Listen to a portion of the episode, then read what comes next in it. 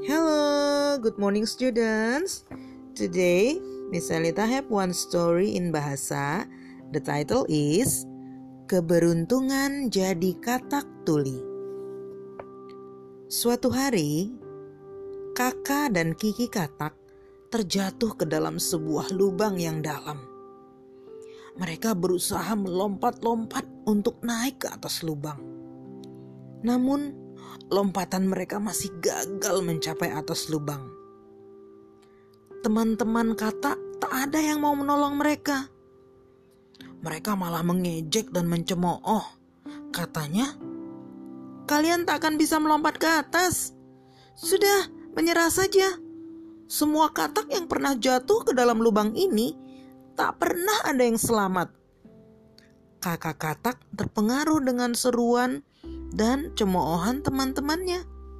Saat melompat ke atas, ia terpeleset, jatuh, dan akhirnya mati.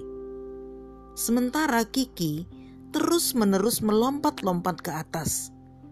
Ia seperti tak terpengaruh dengan cemoohan teman-temannya. Akhirnya, setelah berkali-kali melompat, Kiki pun berhasil mencapai atas lubang dengan selamat. Para katak heran dengan kehebatan Kiki. Apa kamu tidak mendengar cemoohan kami tadi? Ternyata si Kiki itu tuli.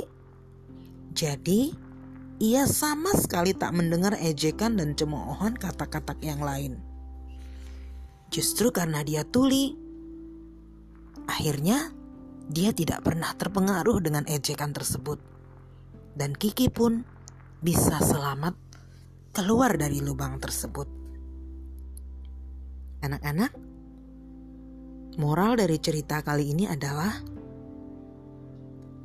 kata-kata negatif, baik itu ejekan, cemoohan, itu akan bisa menyebabkan suatu kegagalan bagi orang lain. Jadi, biasakanlah untuk memberikan pujian saling menghormati, dan menghargai. Bagaimana dengan diri kita sendiri? Jangan terpengaruh dengan ejekan orang lain, karena jika kita terpengaruh, maka kita tidak akan pernah berhasil melakukan hal-hal besar dan baik. Demikian cerita Miss Alita pagi ini. Thank you, students. Bye bye.